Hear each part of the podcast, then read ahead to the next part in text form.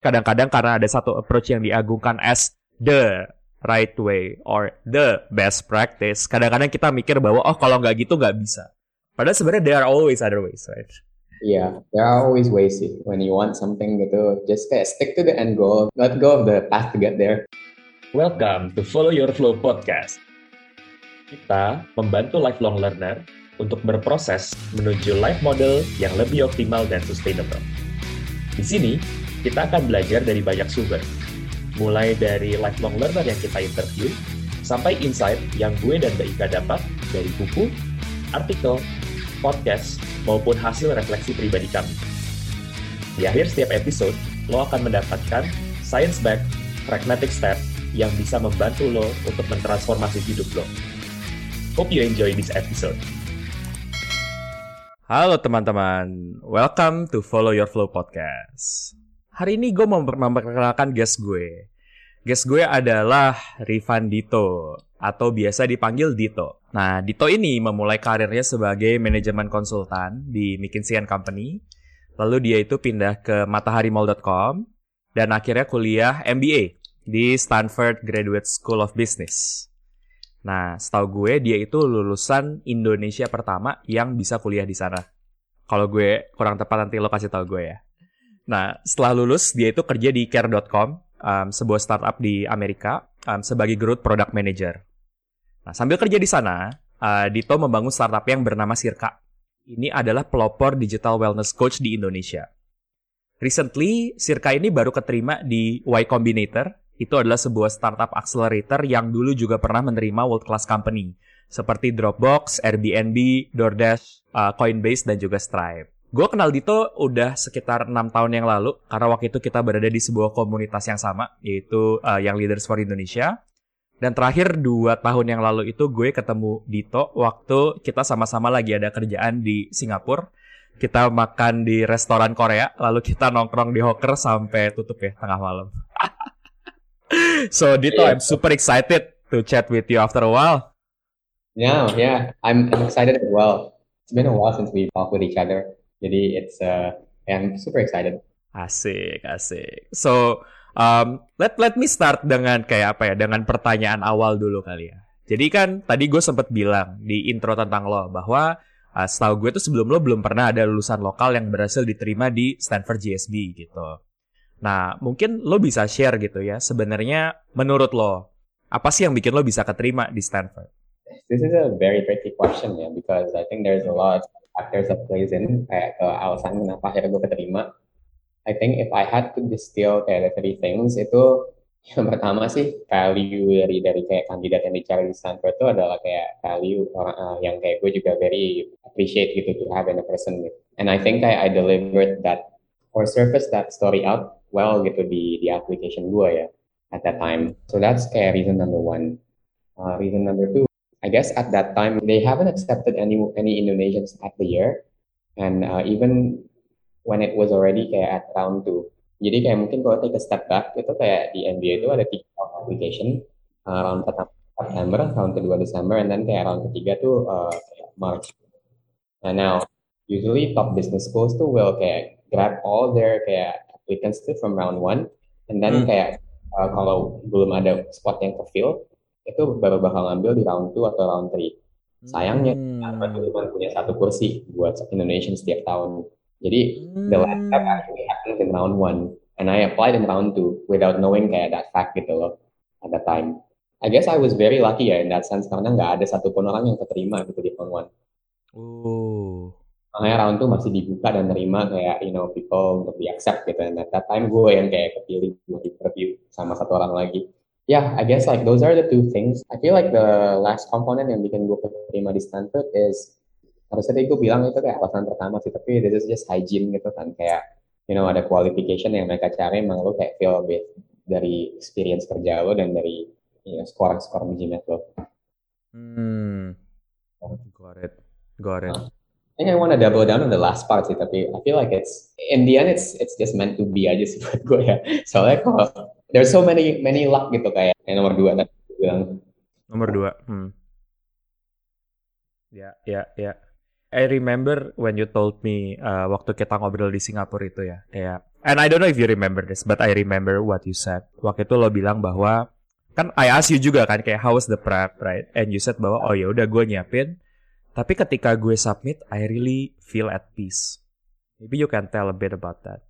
I can't remember the exact words that I mentioned to you, tapi Hmm. that describe my feeling when I submitted uh, apa ya my application because Hmm.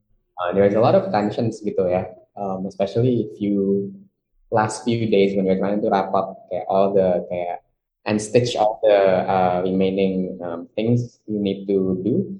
Misalnya kayak web application gitu kayak ada beberapa pertanyaan lagi yang mereka tanya kayak nggak mereka tanyain di resume ataupun di uh, MBA letter lo gitu.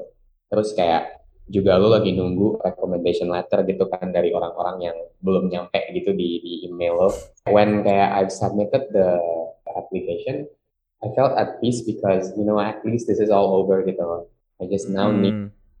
wait if all my effort is ini uh, gonna uh, pay me back gitu. Jadi abis itu tuh Hmm. gue pergi uh, I went out to drinks. Um, like I think at that time tuh uh, there was some people that we know. Jadi ada Putri sama Raymond waktu itu. Got it, got it.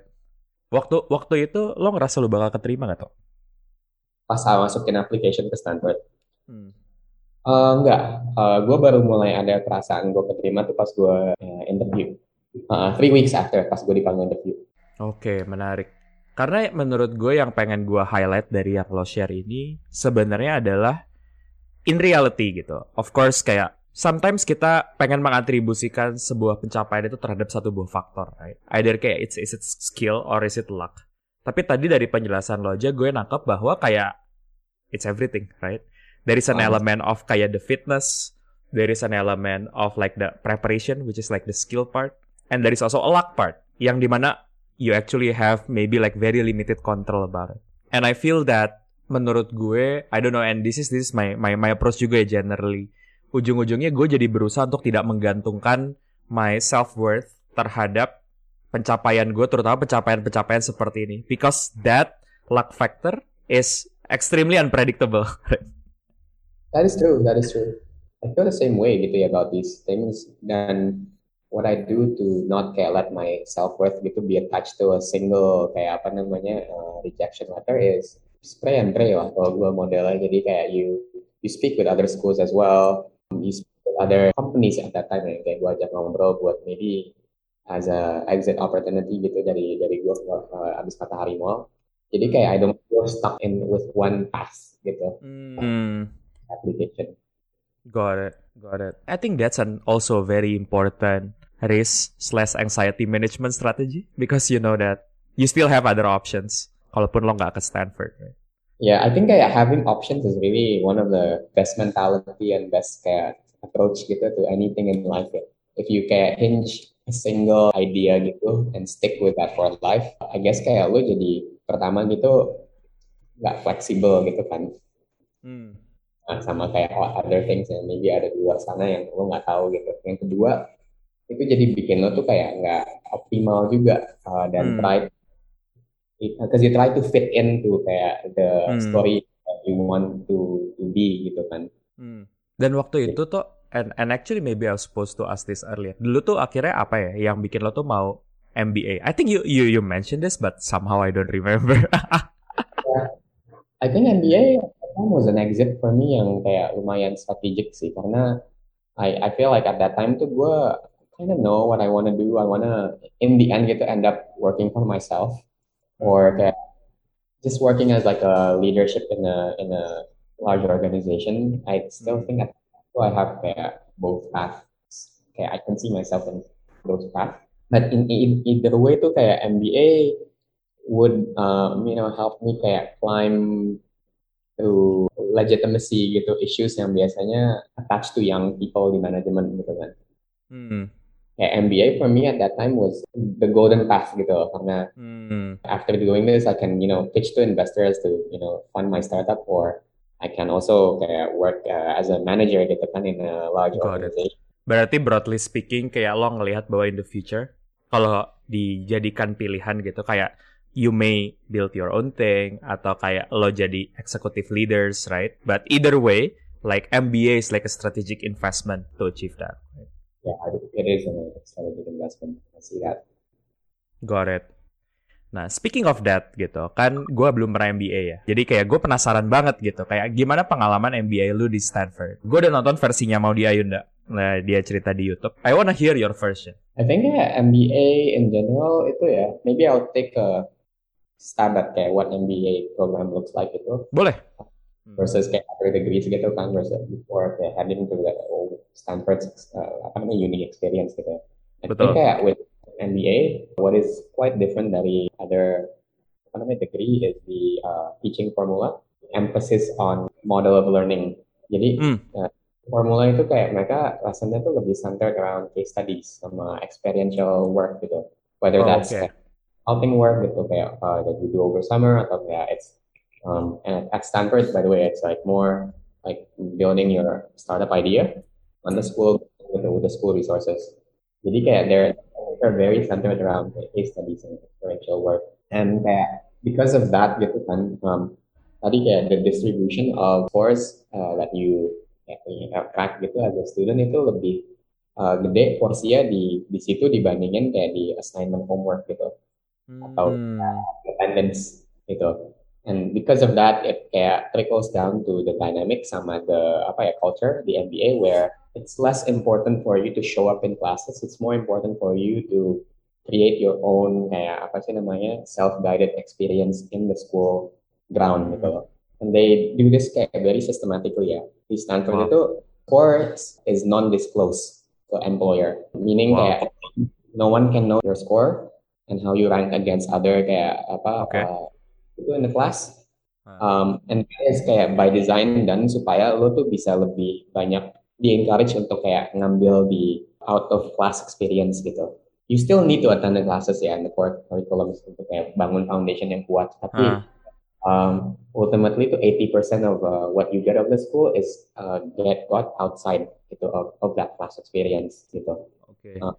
These are kayak yang tadi gue bilang the experiential work gitu, the networking events, the discussions you have with uh, the professors or kayak uh, other kayak student community. Because of that itu kan kayak nggak structured ya bro, experience-nya kan. Rasanya sih kalau kayak ke restoran tuh lo bukan ke omakase ya, gini. Ka- Kalau ini kebalikannya lo kayak ke buffet gitu. Omakase kan lo di-serve apa pun dari koki dan lo mesti makan itu gitu kan Betul, betul. bahkan kayak gue kasih lo seribu menu nih seribu makanan lo pilih aja lo mau makan tapi kalau lo nyobain semuanya itu nggak optimal sebenarnya karena uh, Oh. uh, jadi nggak end up satisfied karena uh, terlalu dikit lo makan semuanya mendingan lo kayak pilih kayak satu section atau dua section habis itu lo kayak makan assortment yang cukup di situ Hmm. that's the MBA experience ya versus kayak other degrees. What's unique about Stanford sih, I think kayak the fact that they're just located at the heart of kan, tech innovation gitu. There's a lot of em- emphasis jadi kayak in trying out like a startup experience gitu. Even in the ini uh, in the classroom or of classroom. Jadi the way they influence this is, as I mentioned, they kayak they give you kayak all the resources buat lo tuh bisa ketemu sama startup founders yang gede-gede gitu di Silicon Valley. Biasanya mereka itu ke kelas lo jadi kayak guest lecturer gitu misalnya Oh. Dan- kan kayak satu cara gitu kan buat influence lo inspire inspire lo gitu buat building your own thing gitu. Karena ya yang datang buat ngomong itu juga juga semuanya profil kayak gitu. Habis itu apalagi ya unik ya. Being a very engineering centric ini ya um, school gitu kan sistem ini. Jadi lo juga banyak intersect sama teknologi baru gitu loh di, di dalam ininya di dalam sekolah. There's a lot of talks about ya apa revolutionary stuff gitu kayak misalnya quantum computing, um, Bitcoin, uh, or sorry crypto. I think kayak in the likes of kayak uh, apa namanya bio biology itu juga tentang apa artificial food gitu-gitu. Jadi I think that's very Stanford sih yang kayak mungkin lo nggak experience gitu kalau lo ke kayak East Coast lo. Hmm. Ya, ya, ya, ya. Soalnya my understanding juga that's actually very interesting bahwa kayak beberapa poin yang tadi lo sebut adalah one like the learning experience was not limited only in the classroom. Malah sebenarnya orang di encourage untuk belajar di luar uh, kelas, right? Terus yang kedua, I think I like the fact that you also mention kayak banyak juga guest lecture, jadi yang memberikan inspirasi gitu bahwa kayak oke, okay, these are the people yang beneran building startup. And the third part adalah Stanford's emphasis on engineering and technology, yang di mana kalau gue kalau gue nggak salah nangkap, and karena lo udah dulu juga pernah nyari MBA, kayak yang gue denger kalau uh, Harvard itu lebih kayak ngomongin kayak the leadership and like the philosophical management. Terus kayak kalau Wharton is more like finance and Stanford is like the tech gitu ya. Yeah, just one fun fact gitu ya bro um, uh. about uh, Stanford gitu entrepreneurship school is very booming among kayak universities uh, top universities in the world ya. Hmm. Stanford tuh is the most billionaire kayak coming out of like their own and like by double gitu the amount of other schools minimal. Oh, oke okay, oke okay, oke okay, oke. Menarik, menarik dulu kayak pas lagi lo suka ngedengerin talks gitu gitu. Siapa contohnya orang yang pernah deliver talks di yang pernah lo ketemu gitu di Stanford? Deliver talks yang gue pernah ketemu tuh yang kayak Rizan mungkin lo pernah dengar tuh Tonisu ya, Tonisunya DoorDash. Oke, okay. oke. Okay. DoorDash is a kayak for people who doesn't know it's like basically grab food di di Amerika. They were just went IPO gitu ya this year and their market cap I think right now is more than 60 billion dollar ya. Jadi It's maybe one third of apa C group gitu. Um, founder is someone who came out of school kayak you know like six years ago with a very similar profile to to, to myself. Jadi yang asik Asian gitu ya. He's an Asian who started his career in McKinsey um, for a year, and then he hmm. kayak apa working for eBay, which is an e-commerce company. Uh, what I'm trying to emphasize is not kayak the fact that I'll also be like him gitu ya. What I'm trying to emphasize is kayak you know, and and he he came up from a, an immigrant family gitu. Dia kayak bukan orang yang dia tuh first uh, generation yang kayak orang tuanya migrate ke sini pas dia udah yeah. baru usia tahun lima tahun gitu lah. So I guess kayak even people yang kayak is very apa ya uh, inherently disadvantaged kayak dia aja tuh bisa gitu loh kayak achieve kayak great stuff in the world and yeah how can you not be apa ya inspired gitu ya kayak seeing people like this just giving random talks in your school every other week gitu ya. Yeah, just to emphasize that ya. Menurut gua itu tuh nggak bisa dianggap gitu aja gitu, right? Because I think the fact that mungkin udah ada traditional kayak CEO-CEO dari kayak unicorn or kayak publicly listed company di US yang misalnya kayak white, terus kayak emang orang native dari sana, terus juga udah punya pengalaman yang kayak seperti apa, right? to find someone who you can relate to dan juga bisa create that mark, I can relate that it's very very motivating gitu. Kayak oh ternyata dia aja bisa gitu. It's not super impossible for me to hmm. accomplish, hmm. right? Ya, ya benar-benar. Halo teman-teman, apakah lo sedang berada di dalam situasi ini? Situasi di mana lo merasakan krisis, stuck, loss, baik secara karir maupun kehidupan, atau lagi bingung memilih di antara beberapa pilihan. Bisa jadi, mungkin juga lo sedang mengalami kesulitan untuk membangun habit yang sustainable. Nah, kita pengen bantu lo melalui course gratis yang namanya Setting Up Your Minimum Viable Priorities. Di course ini, lo akan belajar tiga hal. Pertama, melihat hidup lo secara lebih holistik, karena you are not your work, and there is more to life than just work. Kedua, menentukan prioritas jangka pendek, menengah, dan panjang. Ketiga, menentukan langkah konkret untuk membuat prioritas lo selangkah lebih dekat menjadi kenyataan. Di course ini, lo akan mendapatkan video berdurasi 45 menit yang bisa lo tonton kapan aja dan di mana aja. Dan lo akan mendapat workbook yang bisa lo pakai untuk mempermudah proses refleksi lo. Semua ini gratis. Yuk, dapatkan akses ke course ini dengan mengunjungi website kita di www.followyourflow.id www.followyourflow.id That that also is something yang kayak I think reflected di season graduate Stanford GSB juga gitu. Kayak yang muda-muda itu kan belum nggak banyak ya, paling ada empat orang gitu kan sekarang. Out of these four people gitu, two is already paving way in Indonesia kayak apa namanya tech market juga gitu kan, Belva sama Anderson.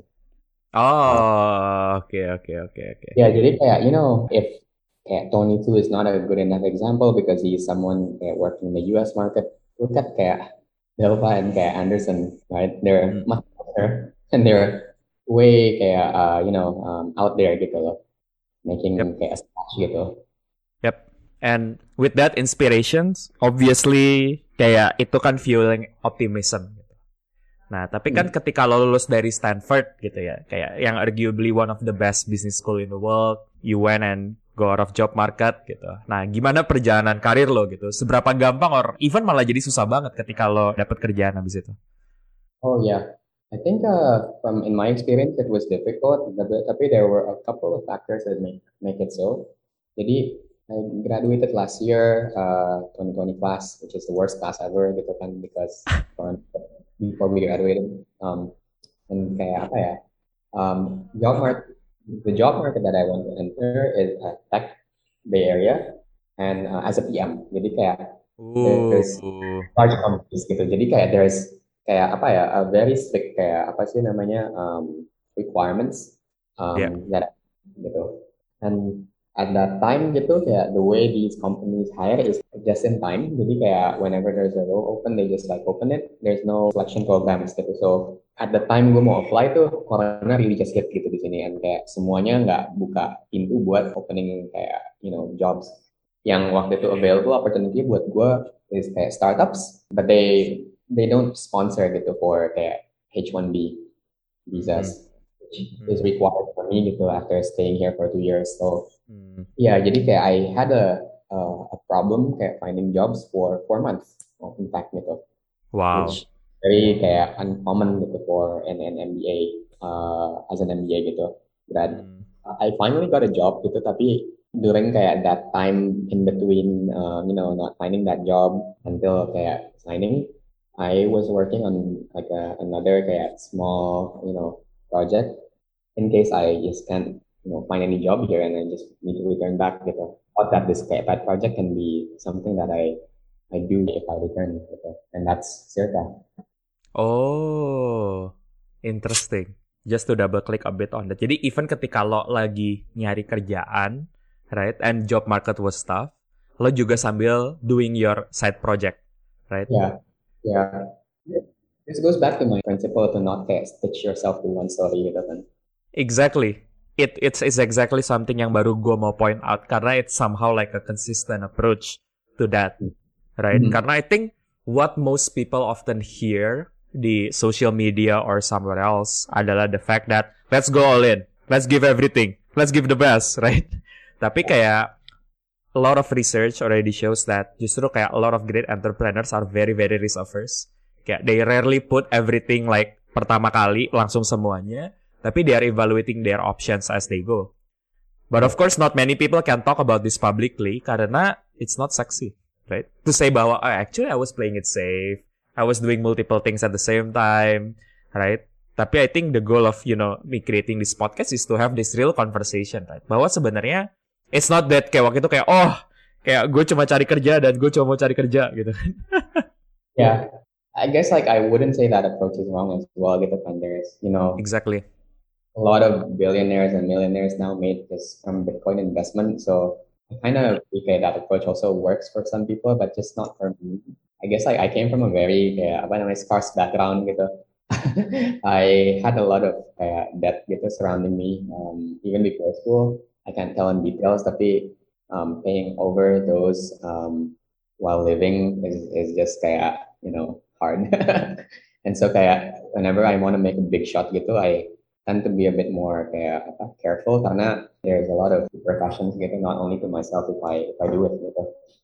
Betul. As you rightly said, right? I think some approach work for different people. What I really appreciate from you sharing your approach adalah the fact that there is no like one approach uh, for all situation, right? Jadi kayak, ya tergantung. Misalnya kayak tadi lo bilang bahwa situasi lo um, juga bukan yang kayak super udah financially everything sorted out because you also mentioned you still have that. We don't go into details, but I think it just highlights that people have different situation, right? And justru menurut gue kadang-kadang karena ada satu approach yang diagungkan as the right way or the best practice, kadang-kadang kita mikir bahwa oh kalau nggak gitu nggak bisa. Padahal sebenarnya there are always other ways, right? Yeah, there are always ways sih. When you want something gitu, just kayak stick to the end goal. Let go of the path to get there. exactly. And tadi lo udah sebut tentang Sirka ya, and uh, maybe I wanna hear more about it. Uh, before that, congratulations uh, for you know being accepted in YC summer 2021. It's such like a great early accomplishment gitu for for for building stuff. But yeah, tell us a bit more about Sirka and how you started the company. Uh, so Circa is a Noom for Southeast Asia. Our mobile app, app helps customers lose weight, and uh, we do this to fight obesity and diabetes. Um, the way it works is that we connect uh, people with legit dietitians that will, uh, you know, create like a very uh, custom plan made so that you can build uh, habits from food. Mm. The idea started uh, at that time because during that uh, you know job searching process. But before you know like we pursued the idea, thought about uh, pursuing a partner first before idea and do something that I was both passionate about. And um, this is a, a, kind of like an, an intuitive approach gitu ya to to like startup building. But uh, I did that because my primary uh, goal was still to get a job, uh, but I don't want to lose track of you know like my uh, interim goal, the mid intermediate goal to hmm. um, create something uh, of my own. Now at that time gitu, uh, I met my co-founder DK, and we just committed kayak times gitu kayak every week to do something together. He was a perfect co-founder for me because he was in the stage and he also cannot afford to go out from his job, but he wants to lay uh, the ground gitu for the next few months. Gitu. Hmm. Yeah, it was just meant to be uh, at that time. Then uh, came COVID uh, a month or two after we started talking about like you know doing something together. We started to talk about uh, you know wellness and you know just found that a very exciting company in in Noom um, because of the mission that they are serving. Hmm. Tadi menurut gue I think that's clear that you you found the person first gitu kayak which is DK terus kayak what made you choose uh, wellness gitu? Karena kan dulu misalnya kayak lo kerja di e-commerce right? Tadi gue mikir kayak something closer to that. Ya yeah. wellness and Dito hmm this this is this is interesting. Maybe there is some part of you that I don't know yet. Yeah, yeah. There's a couple of reasons um yeah. I think first kayak I would not say like I'm like 100% mission driven in this kan I see and there's like also like a gap in the the space gitu in this opportunity that I can kayak pragmatically pursue. Um, yeah. But uh, I feel very strongly attached to the to kayak wellness's mission to help people live better because of my own condition gitu. Um, I came from a family line yang uh, everyone is uh, you know affected by chronic diseases one way or oh. another. Um, okay. Even you know, I'm a pre someone with a pre-diabetic institution. Hmm. Um, and uh, there was a couple of times in my in my life that I went through uh, depression. Jadi kayak wellness is just not like a very uh, foreign concept for me. Mm. Uh, I can really relate to the mission of kayak enabling people to live their best day gitu because they've done something well for their mind, body, and soul. Hmm. Okay, okay. Then what's the plan to, for for for for Circa that you can share with us? You mean uh, business plan or yeah. More It's more like kayak as potential customers, right? Atau misalnya orang-orang juga yang lagi, you know, I feel that uh, I wanna lose weight because maybe I wanna be healthy, oh. including myself, right? kayak apa nih kira-kira heads up yang bisa lo kasih ke para calon uh, customers on what they can expect from Circa moving forward? Yeah, I think uh, Circa is there to help you apa, build a habit that works for your life. Jadi, Got it. Kayak, instead of kayak creating a plan that forces you to go through kayak a regime of you know um, do's and don'ts, uh, we instead try to approach it by you know helping you commit to one or two habits that you want to develop over the coming one or two weeks. Now the use case is for kayak food because 80% of kayak you know um, uh, I guess like wellness is food related. We want to start with that um, and deepen ya instead of expand out to become kayak um, like you know all wellness gitu. Jadi um, maksudnya deepen tuh di sini we wanna not only serve wellness goals, we wanna serve kayak people with more acute conditions um, and kayak heal these people through food gitu loh. Totally. That's a really good start. Karena kayak sadar nggak sadar bahwa food like affects a lot. I think from like Yeah. the health standpoint itu kayak udah non arguable. Tapi even for me psychologically food juga memberikan banyak efek gitu ya. Dan maksudnya kayak I think I've I've I've read dan mungkin belum banyak yang dalam gitu. Tapi kayak even kayak apa yang kita makan bisa mempengaruhi mood kita hari itu. Gitu. I guess like the apa ya technical application uh, we're focusing on food ya bro. Tapi I think what's interesting about Zirka is like at the core of the apa namanya um, Hmm. technology ya, tapi kayak uh, principles and guiding people eating better. Yeah. We apply uh, apa behavior change techniques. Yes. Yes. Um, and that application is wide gitu. You can heal addiction even kayak with this. You can heal, you know, kayak smokers uh, addiction with misalnya kayak rokok. Yeah. Yeah. Same principles. So take a look at the five year, ten years vision of Circa. It's gonna be about ap- applying this behavior change techniques for multiple health issues. Wow, wow. That's super, super exciting though. And and saying that not because you're my friend, but I personally believe that a lot of things yang bikin kita struggle is because we cannot stick with like a healthy habit. Because mungkin kadang-kadang kayak itu klise banget, or it's just kayak oh yeah I know it just doesn't doesn't work for me right. Tapi maybe it's because we don't stick long enough for the habit that helps us to have like a better life, right? So I think if there is like a system or an app or like a product that helps us to do that, wow, I'm I'm super excited myself. Yeah, yeah we'll see. Ininya ya, finger crossed. Yes, yes, yes. Um, last but not least, though, final question. Um, ini ini question yang selalu gue tanyain ke setiap guest gue gitu. Yeah. What's your most profound lesson from the first five years of your career? I think there's four sih for me ya. Oh, Yang pertama okay. itu Great. Hmm. um, you just being kayak mission driven in anything you do gitu kayak because in the end gitu kayak uh, if you have a clarity in why you're doing what you're doing easier for you to kayak plan kayak multiple approaches right? Because you can see the end goal kayak achieving the same. Yang kedua itu juga lu jadi lebih resilient gitu ya kayak di masa sulit. And um, yeah it goes back to kayak ini sih uh, I guess nothing is unattainable gitu. It's just that what's the cost that you want to incur to getting what you want gitu kan. Jadi kayak I feel like uh, you have to be very purposeful gitu and be very selective in kayak the missions and the the things that you want to pursue gitu. Kedua itu uh, you just gotta plan out your life gitu ya. Even when the future is foggy at best uh, you gotta think about why you're doing kayak what you're doing kayak next month gitu atau even tomorrow how does that kayak affect uh, what you're gonna be doing six months from now three years from now gitu kan. You can always kayak deliberate gitu kayak whether this is the most optimum course of action to do at this point atau enggak gitu loh Hmm. yang ketiga itu menurut gua ini ya kayak itu kan tadi yang kedua pertama tuh buat buat diri lo ya. Kalau misalnya buat whoever you work for gitu atau work with menurut gua kayak contribute sih. No matter kayak how small gitu ya. Uh, it matters soalnya kayak when you try to do something even though kayak maybe you're the youngest gitu you're the most junior and you're the most foolish gitu uh, in the room.